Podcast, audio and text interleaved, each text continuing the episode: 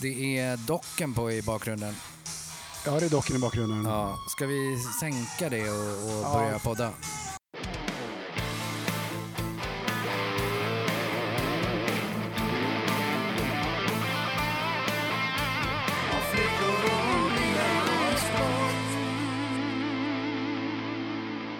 Hej och välkomna till fjärde avsnittet av Om flickor, bilar och sport. En podcast där vi pratar om kulturella fenomen, mest musik och film som har påverkat oss väldigt mycket i dåtid och i nutid. Jag sitter här på Gullmarsplan med min gode vän. Tony Johansson. Hur är det Tony? Jo, men det är bra. Det är, det är solen strålar och det är toppen. Ja, här är det inte toppen. Min eh, mamma gick bort för en vecka sedan så jag har lite blues. Så det, risken är att den här, eh, det här avsnittet blir vårt eh, Tunnel of Love eller sista plattan med ABBA eller vad har vi på liksom deppiga ut, utgåvor? Mm. Ja, kan vi sätta på valfritt med Joy Division eller The Cure? Ja, att det blir lite nedstämt i värsta fall. Men eh, vi kör ändå. Vi har fått eh, lite feedback från förra avsnittet. Dels har vi fått ett eh, vykort. Från Av, Gyllene Tider? Nej. nej, inte från Gyllene Tider. Vi har fått ett vykort från en C. Laney, boendes på Gullmarsplan, som med emfas hävdar att det var inte alls Tony Hanrell som hade golfkeps. Det var Morty Black i TNT. Och det är en jätteviktig information tycker han. Vi har även fått eh, ett, kommer ni ihåg de här postens gamla ljudbrev? Ett gul, kommer du ihåg dem Tony? Ja, jag kommer ihåg dem. De, det, det, Ja, men en, gul, en gul kassett i ett gult vadderat kuvert så kunde man spela in sitt meddelande och så var det förfrankerat och så postade man det. Det är från en Z San i Upplands Väsby som eh, håller med mig där att det var visst inte Beat It som utspelades i tunnelbanan utan det var Bad-videon. mm. Så nu har vi rättat till det. Då vill, jag, då vill jag bara komma med ett eh, inpass här att eh, i Beat It-videon så v- vad jag blandade ihop där var de är i någon sorts lagerlokal eller om det är ett parkeringsgarage eller någonting. Det tolkade jag då som en tunnelbanestation. Det är Därav. därför du har svårt att hitta hem ofta på kvällarna. Ja, för att du går till en ja. lagerlokal. Ja, eller sover i, utanför spärrarna Precis. vid Gullmarsplan. Min eh, gamla barndomskamrat eh, Håkan Emresson hörde också av sig och apropå att vi pratade om några videos som var inspelade i skolmiljö. Vi nämnde ju Hon är förälskad i läraren med Kids och vi nämnde When I kissed a teacher.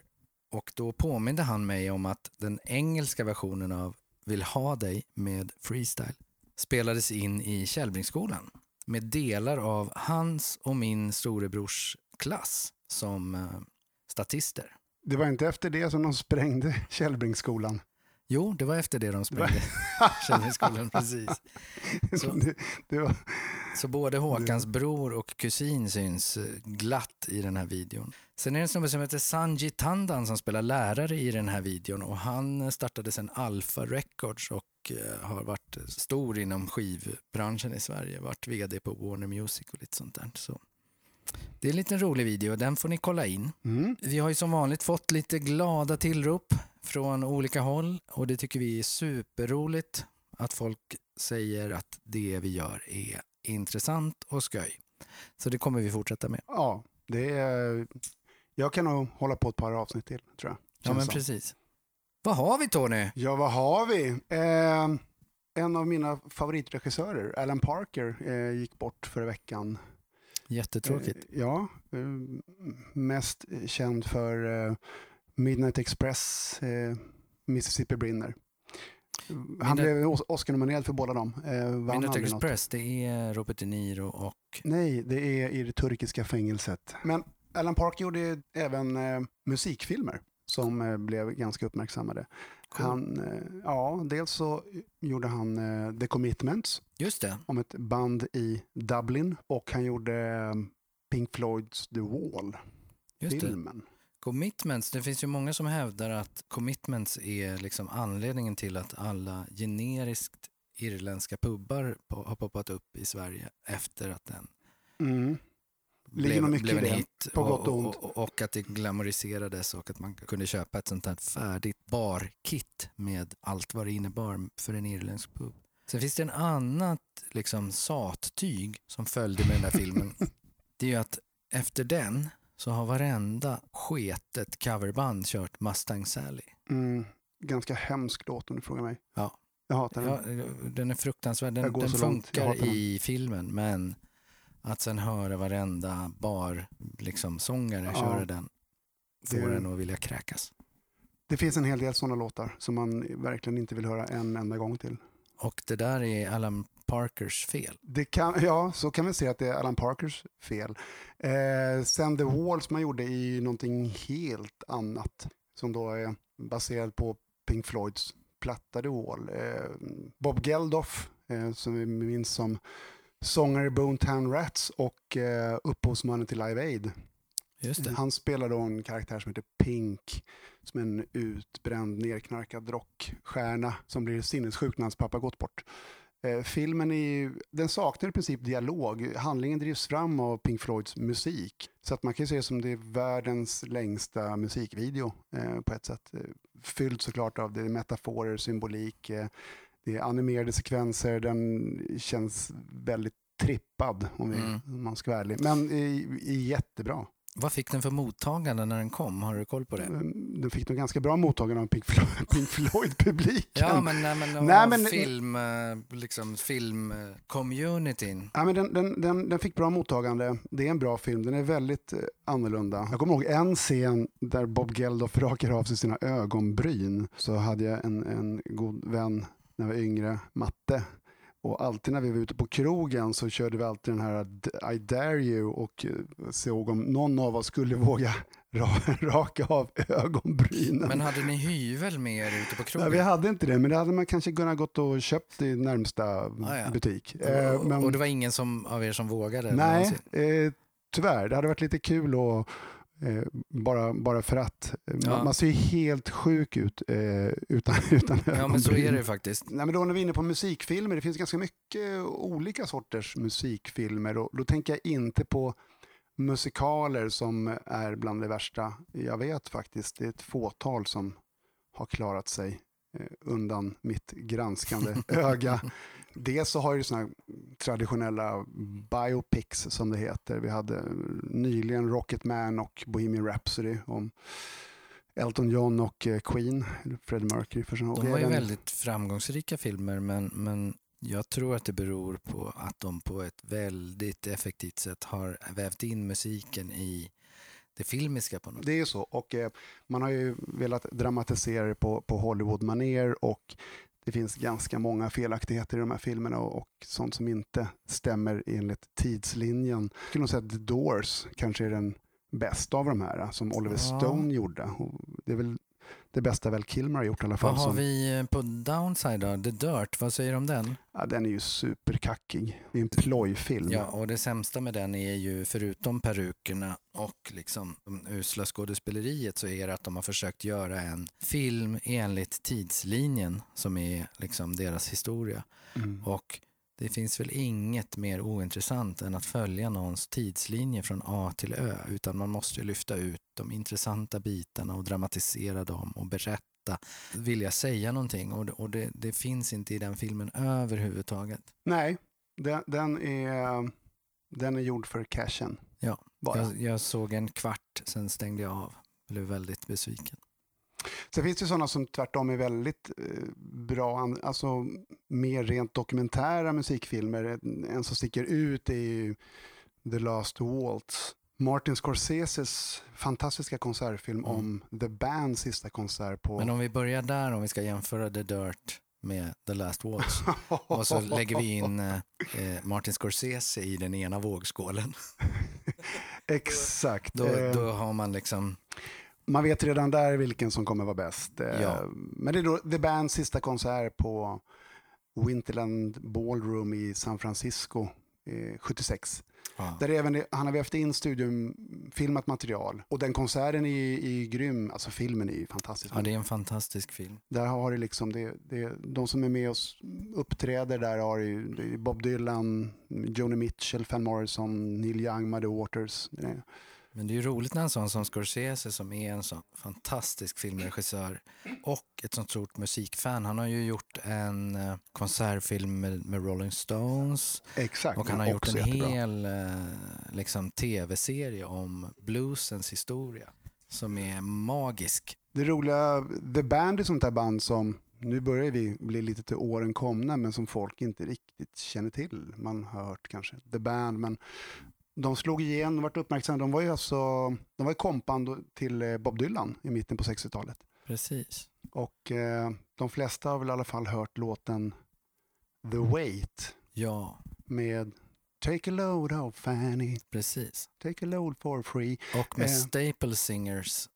som eh, backup-kör. Just det, ja. Och Mavis Staple i Staple Singers är ju still going strong och Damon Albarn har ju samarbetat med henne i åtminstone en eller två låtar med The Gorillas. Så hon är ju magisk sångerska. ja. Vet, vet du förresten vad The Band fick inspirationen till låten The Wait ifrån? Är det de som har skrivit den? Mm, det är de. Nej, berätta. Inspirationen är från amerikanska södern och så satt de och kollade på filmer med, eh, eller av Ingmar Bergman. Oj, Det är sjukt. lite udda. Ja, svensk melankoli exakt. och de, amerikansk söder. i de en- gillade det. Ja, men sen har det väl, om man ska lägga till ytterligare inom i musikfilmsvärlden så har det ju sådana som ligger på gränsen till att vara musik eller spelfilm. Eh, Quadrophenia som Just det. är baserad på The Who's eh, platta och rockopera. Det var väl mer, det var ju en spelfilm men det var ju mer, mer en trainspotting med The Who's musik. Eh, kul där är att två av de ledande rollerna spelades av Sting eh, och eh, Toya Wilcox som hade en framgång Cool. med bandet Toya, New Wave-aktigt i slutet av 70-talet. För övrigt gift med Robert Fripp, eh, gitarrist i legendariska King Crimson. Så att nu blev det nördigt. Och eh, mannen bakom det fantastiska gitarrspelet på bland annat Scary Monsters med David Bowie. Ah. Okej, men för att avsluta musik, film. Nej, men vänta. Nej. Jag har, eh, vill slänga in en eh, musikfilm. Dancer in the Dark, Lars von Trier. Jag har ju jättesvårt för Björk.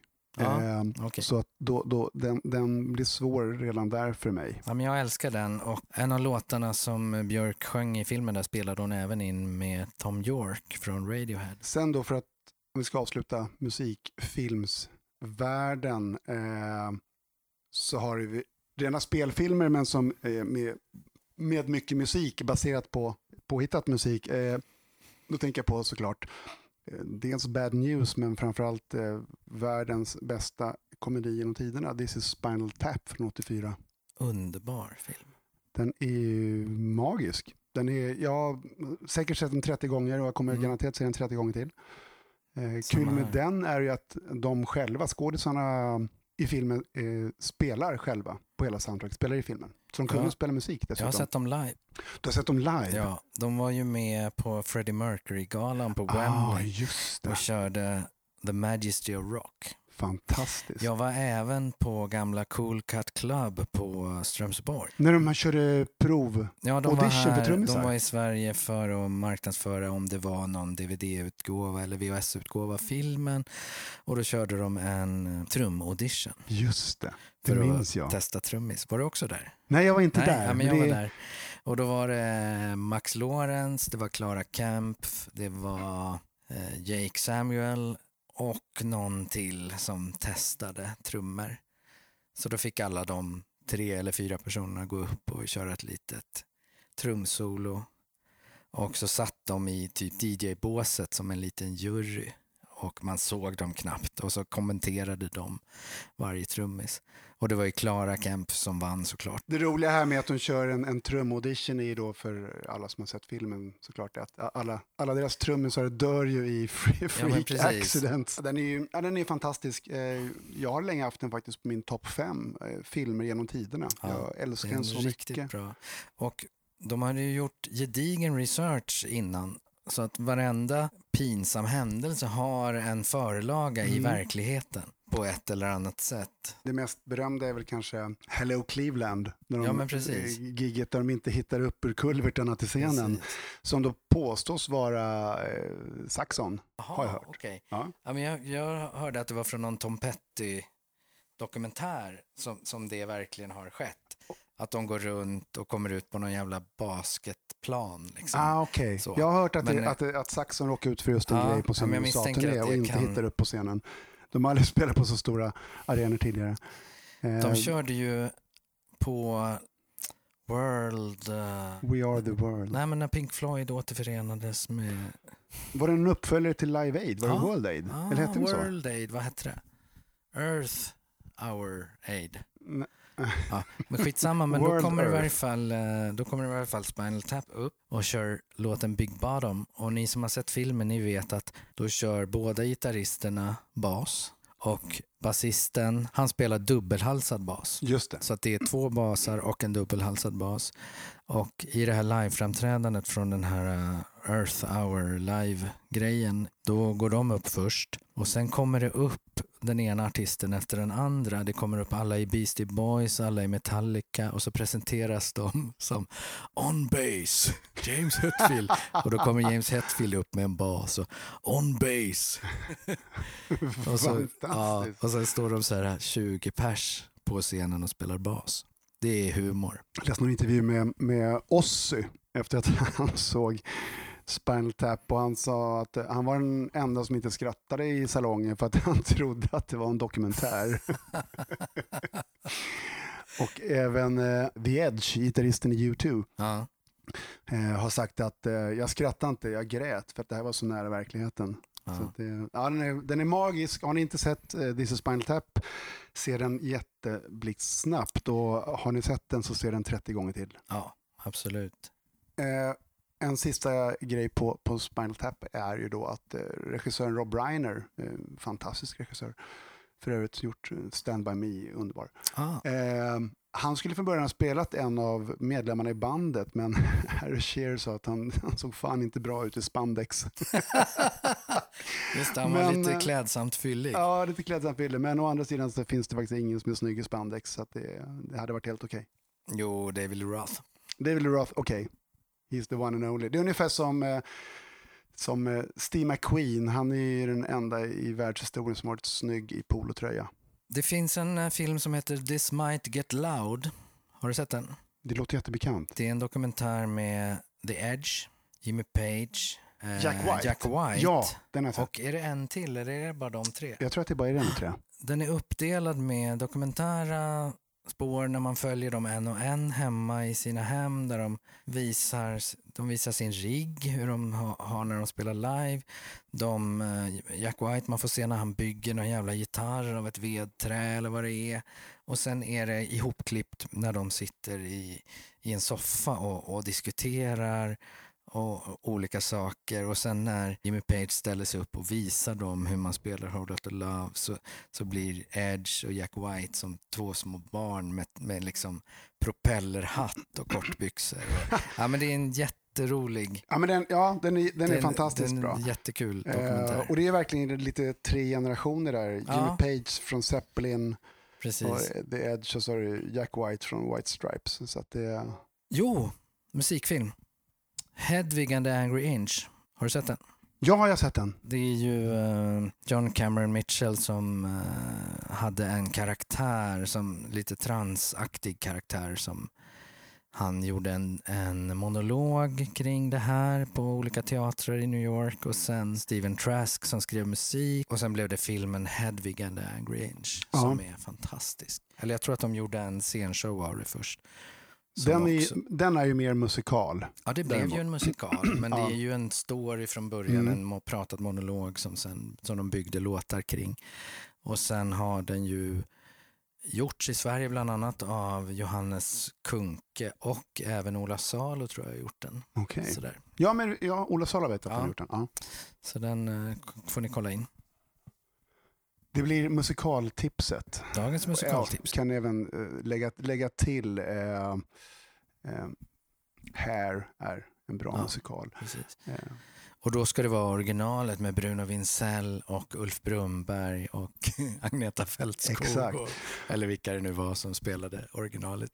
Ja, det är lite som med, med eh, en, annan, en annan som funkar är ju eh, Jesus Christ Superstar som jag verkligen gillar och eh, den, den ska man ju då höra på skiva med Ian Gillan Ja, som eh, men- inte var med i filmen för att eh, Nej, men där, där finns det två olika skolor. De som gillar Gillan, som gjorde en jättebra Jesus. Och sen var det Murray Head som gjorde en katastrofal Judas. Sen har du filmen där det var Ted Neely som gjorde en Mm. magisk Jesus. Som alla som har gjort rollen efter Ted Neely har efterapat hans, hans take.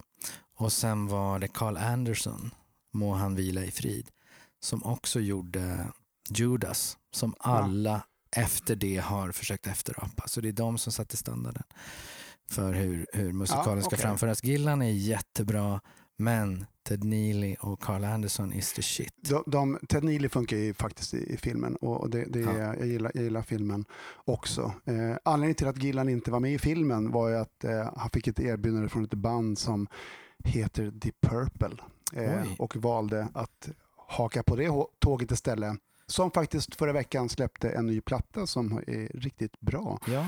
På tal om Gillan vill jag slänga in en rekommendation på en platta som släpptes 2019.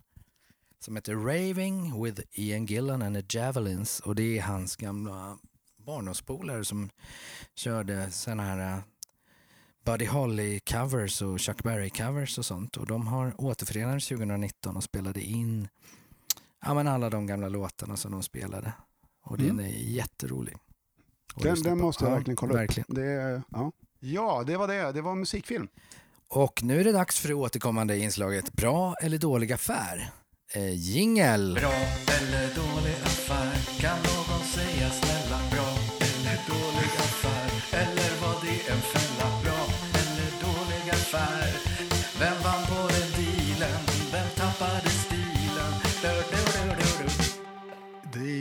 Jättebra. Känner du till Roky Eriksson? Ja, det gör jag. Eh, Jag önskar att jag hade sett honom live också, men jag, har, gjorde inte det. Nej. Brokey spelade på 60-talet, hade han ett band som hette 13th Floor Elevators där han sjöng och spelade gitarr.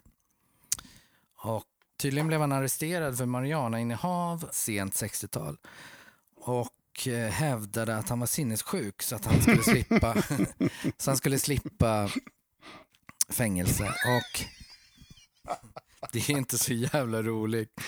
Så där eh, blev han behandlad med elchocker och psykofarmaka. Förlåt, Så att det är han- inte roligt. Sorry. Take två.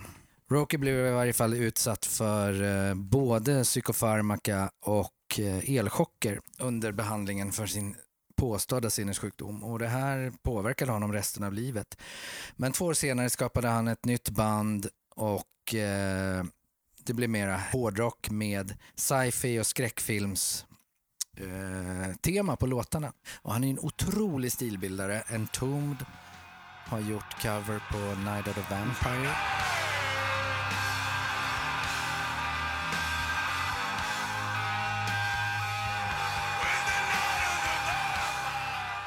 Och eh, Ghost har spelat in eh, If You Have Ghost. If you have ghosts, you have everything. If you have ghosts, R.E.M. gjorde en fantastisk version av I Walked With A Zombie på en hyllningsplatta till Rocky för Just ett det. antal år sedan. Och I Walked With A Zombie är förmodligen den bästa låt som har gjorts. Är det så?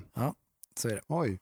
Den enda textraden är I walked with a zombie last night. Förutom sista versen när bandet svarar He walked with a zombie när han sjunger I walked with a zombie. Jag vet att han hade eh, tidigt ett band som hette eh, 13th Floor Elevators. Ja, men det var de jag pratade Det om. var de. Ja, precis. Som han eh, ha- hade där i slutet på 60-talet. Just det. Eh, och Janis Joplin var ju eh, tilltänkt som sångerska i det bandet. Jaha, Men blev eh, övertygad av någon annan att dra till San Francisco och skapa sin eh, egen solokarriär. Och Ja. det, det gick ju rätt men var inte schysst. det när hon... eh, Hade hon varit med i Big Brother and the Holding Company då? Oh, eller? det vet jag faktiskt Nej, inte. Skitsamma. Men det här präglade i varje fall Rocky under hela si, sin livstid. Han släppte lite plattor på 70-talet och sen har han inte mått så bra under en väldig massa år och dragit sig tillbaka från liksom all publicitet. Och, och 2001 så började hans yngre bror ta tag i, försöka få kontakt med honom, lyckas bli hans förmyndare, lyckas få fasa ut alla droger, alla mediciner som han går på och får faktiskt igång hans karriär igen så att han börjar turnera på 2000-talet. Mm. Och det finns en film om det här, en dokumentär som kom 2007 som heter You're gonna miss me som jag verkligen kan rekommendera. Den är skitintressant om man gillar Rocky eller är intresserad av hans öde. Hur som helst så gick jag på Nalen i slutet på 2000-talet och såg Rocky med ett band och det var fantastisk konsert. Och Mm. vi står ganska långt fram. När han kommer fram till låten Night of the Vampire då fiskar snubben bredvid mig upp en joint. Och han ser så nöjd ut för det, man ser verkligen att den här snubben har gått och väntat på den här låten och att han ska tända en joint och röka under den här låten. Så han tänder den här jointen och står och röker och är jättenöjd. Vad han inte tänker på är att rökförbud har ganska nyligen införts på alla ställen i hela Mm. Sverige. Så att det dröjer typ en och en halv minut. Sen blir han utbrottad av tre vakter. Och jag misstänker att inköpet av den här jointen och inköp av Rocky Ericsson-biljetten var en ganska dålig affär för hans del. Vad tycker du? Ja, samtidigt så fick han ju se Roky och dra några bloss på den här jointen så att det kanske räckte för honom. Jag vet inte. Men jag misstänker att han eh, hade nog tänkt sig något annat. Ja, han kanske hamnar på Österåkeranstalten efter Ja, det. men det han fick förmodligen en, en uh, ringa narkotikadom Precis. eller något liknande på sig. Ja. Så. så det var mitt bidrag till bra eller dålig affär. Har du någon bra eller dålig affär som du kan berätta om? Jag har funderat lite. Eh, Det, det som eh, spontant kom till mig var en, en, en fotbollshistoria. Spännande. Eh, Ja, en, eh, en, en lirare som hette Lennart Skoglund kallades för Nacka, inte helt okänd. Han Nej. spelade i Hammarby eh, och de låg då i division 2. Hur länge spelade han för Hammarby? Oj, det var länge. Det var länge. Var det hans liksom Ja, det var det. Och han, första han, stora gig? Ja, det Så. var det. Och han, när han sen kom tillbaka från Italien så gick han tillbaka till Hammarby innan han så tragiskt gick bort eh, Mm. eh, efter att han avslutat i Kärrtorps BK Okej. några år tidigare. Men eh, han gick alltså från, från Bayern till AIK för tusen spänn, en kostym och en kappa till morsan. och eh, han spelade sex matcher bara för AIK. Jag tror det var en cupmatch och fem allsvenska matcher. Men det var vad han fick. Ja, exakt. Och, och, Men fick inte Bayern, fick, nej, histor- förtäljer inte historien vad Nej, det Bayern gör fick. inte det. Jag Nej. tror inte att Bayern fick en enda spänn. Jag vet inte hur det såg ut med övergångspengar och kontrakt på den här tiden, men jag tolkar det som att Bayern blir av med sin bästa spelare, eh, kanske genom tiderna, eh, utan ett öre. Eh, han går till, till AIK. För, säg det igen. Han går till AIK för tusen spänn, en kostym och en kappa till morsan. Och eh, enligt Börje Dorsch ingick det även en, en hallmatta tror jag. Men eh, det är inte bekräftat. Det är ändå gulligt Men att så- han tänkte på morsan. Sen spelade han då bara sex matcher för, för AIK innan han gick till eh, Inter i Italien. Och gissningsvis så fick AIK lite mer för honom i, i den övergången än vad, vad Hammarby fick något halvår tidigare eftersom de inte fick ett skit. Så Vem gjorde den bra affären då? rimligtvis bör ju AIK ha gjort den bra affären. Eh, Jag skulle hävda att Inter, även oavsett egentligen vad de betalade på den tiden, gjorde en lysande affär. För han blev ju, han blev ju storstjärna i Italien och hemma i Sverige snackade man om Grenoli i Milan. Mm. Eh, Men eh, pratar de italienare så är det, det var ju Nacka som var den stora stjärnan från Sverige. Jag tycker, Så ändå, jag tycker ändå morsan gjorde... Morsa gjorde bra affär. Hon fick en eh, ny kappa utan att göra någonting Ja, egentligen. Eh, hon fick en matta också, en matta och en kappa. Men eh, definitivt så var, ju, eh, var det Hammarby som gjorde den riktigt, riktigt dåliga affären. Underbart. Då lämnar vi det stående inslaget bra eller dålig affär. Det dök upp en video i mitt flöde här ganska nyligen med ett band som heter Docken. Där de spelar på något, eh, ja men det är så här social distancing så det är väldigt lite publik. Det är uppenbarligen Reb Beach på gitarr och det är den här sångaren Don Docken som står och brölar och sjunger väldigt dåligt. Och då insåg jag att fan jag har ingen koll på Docken alls. Jag älskar ju docken. Och Ja, jag, har jag sett, jag har sett videon nu som ni visar den. Den, är- den, är, den är fruktansvärd. Men det, det man har sett med avslutningskonserten med Motley Crue där Vince Neil kraxar runt på scen, det, det är ju som en dröm jämfört med det här. För att det, det är så Ja. tragiskt. Och jag skulle inte ens säga bröla för att så högt kommer den aldrig. Men, men docken är fast nu för docken när de slog igenom eh, mitten på 80-talet med eh, plattan Tooth and Nail 84.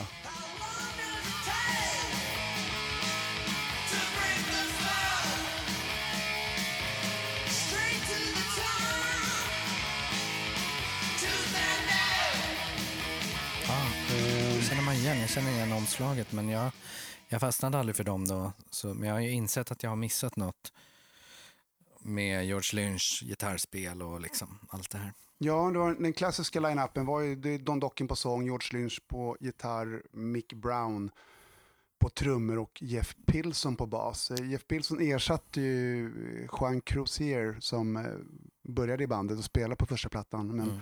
han gick till Rat där Bobby Blotzer spelade trummor redan. Och de två plus eh, Don Dokken hade ett band som hette Airborne innan de bildade Dokken. Okej. Breaking the Chains kom ju 81, det var deras debutplatta. Eh, eh, lite kul att eh, den första videon, eller videon till Breaking the Chains eh, titelspåret som gjordes som video regisserades faktiskt av Bell Piper, om vi nu ska bli riktigt nördiga, som var gift med Randy Piper i. W.A.S.P. Och senare så blev hon tillsammans med Michael Schenker, så nu fick vi nämna honom i det här programmet igen. Ja men det känns som att vi måste nämna Michael Schenker. Måste nämna Michael Schenker eh, och Pete Way och Paul Chapman. Så. Men sen kom då Truth and Nail 84. Där breakade de ju stort. De var alltså förband till eh, Judas Priest, AC/DC, Kiss, Aerosmith på deras USA-turnéer. Året efter kom Under Lock and Key, eh, också fantastisk eh, platta. Mm. Och eh, några år senare, om någon kommer ihåg filmen Terror på Elm Street 3, Just det. var det de som gjorde kallade Dream Warrior. Dream Warriors, eh, titellåten därifrån ja. En kul grej med efter Unlock and Key där var att de nobbade, Accept släppte 1986 en, en platta som eh, hette Russian Roulette Just det. och då blev Docken erbjudna att köra en Europaturné som förband till Accept på den turnén. Eh, men då hade det precis eh, Tjernobyl hänt. Så Docken nobbade den turnén. Sen vet man inte om det var Tjernobyl som var den verkliga orsaken. Men eh, det var vad de hävdade i alla fall. Att de kunde inte åka på turné i Europa efter Tjernobylkatastrofen. Lite ironiskt också att det var på en turné som hette Russian Roulette-turnén. Tror du de hade kunnat slagit större i Europa om de hade åkt på den turnén? Jag gissar att de hade gjort det. Mm. För de blev aldrig superstora i... i Men de är ju ändå ett household name i liksom rockkretsar på något sätt. Absolut. Jag, jag, en, en, en god vän som du också känner som har spelat på Kings Call några gånger, Anders Los, som det. var då i basist i Glory. Han har berättat att eh, när Glory lirade så backstage i omklädningsrummet så, så körde de hela Underlock and Key-plattan inför varje gig. Så att eh, så mycket Det älskade var de den. uppladdning hårt. Ja. Alltså, de splittrades ju 90 första gången. De har splittrats, de var ganska osams, eh, Don Docken och George Lynch. Mm. Och då bildade George Lynch eh, bandet Lynch Mob som gjorde en grym platta som heter Wicked Sensation. Och då gjorde även Don Docken en soloplatta som hette Up from the Ashes. Okej. Som är intressant. Och tanken med den var att det skulle vara en officiell Docken-platta. Men det visade sig att de fyra medlemmarna i Docken hade rättigheter till namnet Docken. Hans namn. Trist. Så att han, de fick inte heta Docken, så han, den plattan heter Don Docken. En skiva som jag fortfarande saknar på Spotify, det är inte så många, men den har jag kollat efter ganska ofta. Tyvärr finns inte där. På den plattan har vi då ett par som är ganska bekanta för oss svenskar i, bland musikerna. Det är John Norum på gitarr Hårt. eh, och Micke Di på trummor. Dessutom eh, Peter Baltes. Accept.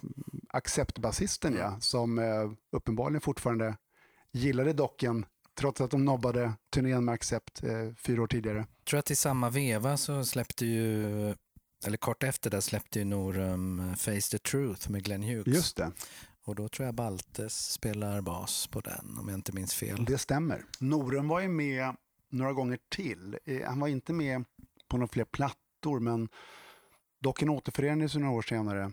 Och, och sen när George Lynch hoppade av, blev kickad, whatever, eh, igen så, och innan Reb Beach då kom med, som sen gick till Whitesnake bland annat. Ja. Eh, 97-98 där, eh, så var ju Norum med och, och lirade live med dem och jag tror samma sak hände igen 2001 eh, när Reb Beach eh, lämnade docken Mm.